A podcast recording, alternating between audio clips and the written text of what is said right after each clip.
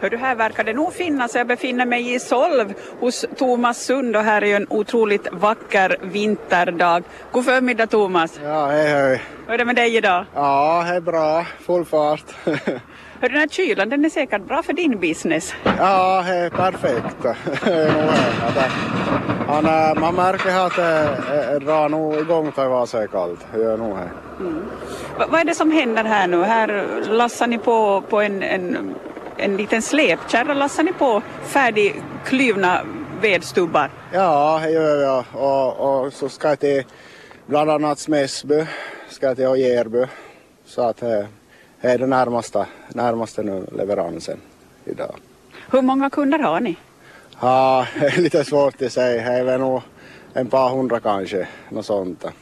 Men går det till så att, så att ni, ni lassar på här och så kör ni ut det på, med bilen? Ja, det är nog orsak på det viset. Ja. Somliga kommer ju och hämtar också. Men att, äh, för det mesta kör vi nog ut till kunden direkt. Det gör vi nog. Men hör du, här, här på gården då, här är ett stort, eh, är det en tork det här har jag förstått?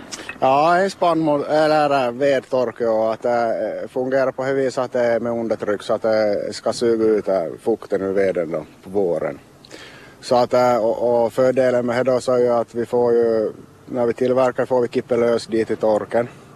Så vi, vi, vi behöver la lika mo- mycket sådana säckar som vi torkar i och, och vi sparar en hel del tid med det då. Och äh, så är det också att det är under tak hela tiden. Som vi hade förra sommaren och, och våren väldigt mycket regn. Det är många som har fått problem med, med att torka utomhus. Så att äh, det är också en stor fördel. Är det vanligt det här att vedhandlare har torkat? Ja, jag tror det börjar förekomma mer och mer. De som går in för att sats på det här och, och, och faktiskt äh, producera större mängder så, så börjar vi komma till sådana lösningar. Ja. Att, äh, det, det tar väldigt mycket tid med det där säckarna. Att, äh, du får bra ved, det får du nog för det mesta, men att, det tar mera tid. Men här utanför på gården här är stora travar med, vad är det, är det tall? Ja, vi har, här har vi björk här närmast då. Och, och det här, där har jag också några gran och tall som då kommer till äh, göras till blandved. Så att, och, och, och så har vi en del flisvirke här som, som ska transporteras till ähm, värmeverket här i Solv. Så dit far här. Så att det det är ungefär vad vi har här. Men för vanligt hemmabruk då är det naturligtvis björkveden som är, är det stora. Ja, det är nog, är nog mest björkved här är nog. Att äh, somliga köper nog blandved och det gör de nog. Att, att, eh, det är lite billigare förstås blandveden och så att äh, men i huvudsak björk ja. Men det här virket då, är det ditt eget eller köper du i din tur in det av någon? Jag har ju eget virke delvis men då köper jag också mycket av skogsvårdsföreningen. Så att, äh, och, och, I år blir det nog till köp största delen av skogsvårdsföreningen. Så att, äh, och så också är jag köpt av, av privatpersoner en del. Men hör du, det talas om i Norge att det är brist på ved eller håller på att bli. Hur känner du av det här också? Ja, alltså en sån här vinter så kan jag tänka mig att det är en del som, som blir utan ved som, som producerar. Så att äh, vi får se när det har gått en månad till. att äh, som jag har själv så jag säger kanske en månad. Det kan ta slut för det också. Så att äh, fortsätter det här kallt så då, då kan det bli, då kan det nog bli brist. Ja, vad gör vi då? Ja, ja vi får börja skruva upp elbatterier då. ja, eh, det är nog så att eh, om veden tar slut så då, då är det nog el och, och, och olja som gäller. Då. Ja, Då blir det dyrt för oss. Ja, då blir det dyrt. Ja, att man, man, man sparar nog en hel del när man eldar med ved, det gör man nog.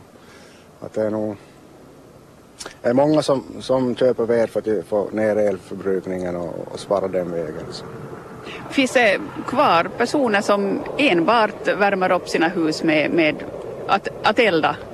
Ja, det finns det nog. Det finns det nog. Att, äh, själv så, så eldar jag förstås bara med ved också. Och, och, och, så, så nog finns det egnahemshus här och där som, som gör det nog.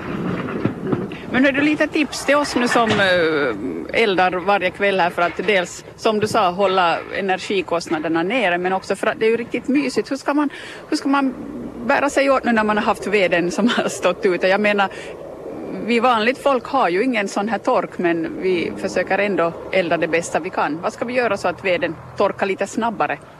Ja, alltså det är ju alltid bra att ta in, ta in eh, andeveden dagen före skulle jag säga. Så att han får vara i värmen ett dygn så den så att då, då tänds det mycket bättre och att det är ju som nedkylning och allting på, när det är ute och, och på det viset. Så att äh, jag skulle nog säga att man tar in det på förhand och, och så då går det nog bättre. Så, ja. De bästa knep att få fyr på det, det finns ju en massa olika hjälpmedel idag med tändbitar och små påsar och allting man kan använda. Va, hur gör du? Alltså, eh, ja, för det första ska ju veden vara torr. så eh, då kan man ju bra ta, och björkveden kan man ju ta den över och, och, och, och lägga, lägga under. Och, och, eh, alltså är björkveden riktigt torr och bra så, så räcker nog det. Att det inte ska vara så mycket andra knepigheter då inte. Att, eh, viktigast är nog att veden är torr, så då, då tänds det nog bra. Mm. Hördu, det kommer ju ett liv efter den här vintern också i bästa fall. Hur förbereder du dig för nästa säsong? Funderar du framåt redan nu? Ja, då vi, vi försöker ju tillverka hela tiden för nästa säsong. Uh, så att, uh, och, och det är ju en, är ju tid sedan det var sån här vinter nu så att man, man märker att eh, det finns ett behov när det faktiskt blir kallt. Så att det, är nog bara att producera och, och, och se hur det blir nästa vinter. Men det är ju lite av en risktagning det där och tänk om det blir en riktigt torr och varm vinter nästa år.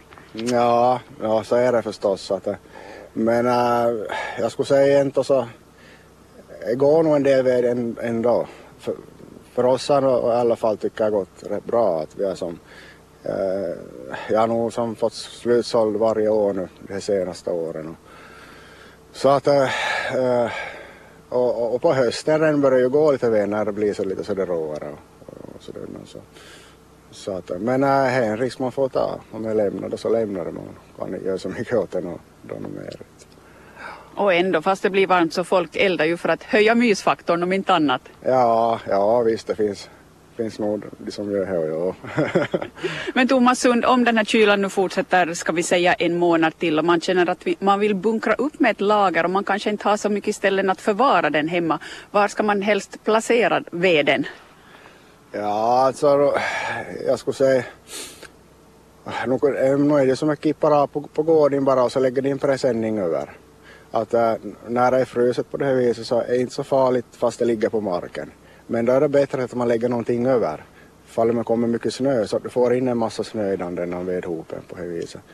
Så att jag skulle säga att, att eh, äh, man går det till förvar ute den här årstiden och när det är påfruset. Men att man lägger någonting över då.